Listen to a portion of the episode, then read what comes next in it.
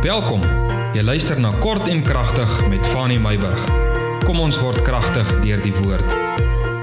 Goeiemôre, ek groet jou weer eens op hierdie vroeë 2024 maand, 16de Januarie. Ek wil met jou 'n bietjie gesels oor blydskap van die Here.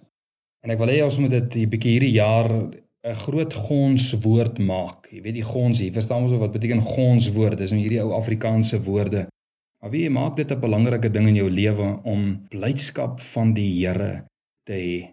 Nie die wêreldse vreugde en blydskap wat die wêreld gee nie, maar blydskap in die Here. Met ander woorde, in dit wat die Here is, dit wat die Here vir ons doen, wat die Here vir ons gedoen het en wat vir ons voorlê in die hiernamaals.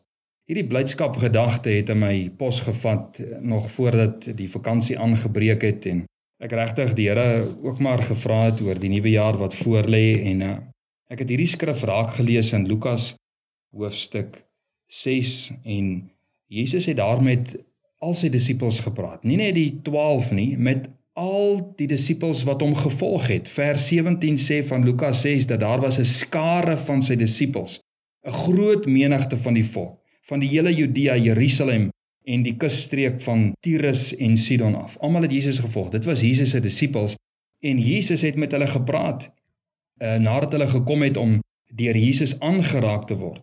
Toe het hy vir hulle gesê: "Salig is julle in vers 20, julle wat arm is, want aan julle behoort die koninkryk van God. Salig is julle wat nou honger het, julle sal versadig word.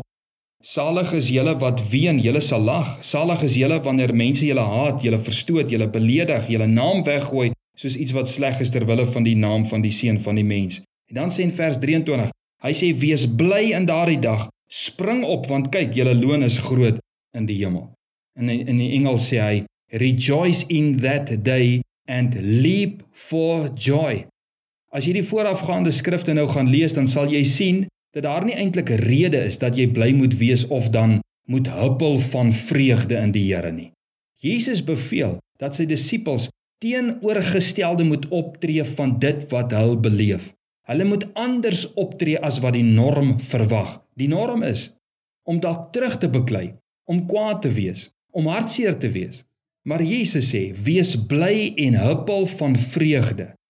Jesus sê dat hulle uiterlike ervaring nie hulle innerlike kondisie moet bepaal nie. Belangrik, nê? Dat hulle dit moet uitleef wat die Heilige Gees in hulle harte gedeponeer het en dit is blydskap. Blydskap is een van die kwaliteite en die vrugte van die Heilige Gees en hierdie vrug van blydskap werk die effek van die uiterlike toestand op die innerlike toestand van die mens te. Jesus wil hê dat in tye van absolute verwerping en teestand dat ons sal staat maak op Heilige Gees se werking in ons innerlike mens om dan die reaksie te bepaal op die uiterlike dinge wat ons beleef en nie reageer op die impulse van die sielsmense. Hoekom sê Jesus dit? Eenvoudig. Ons moet bly wees as ons eintlik moet hartseer en kwaad en verwerp en bitter moet voel.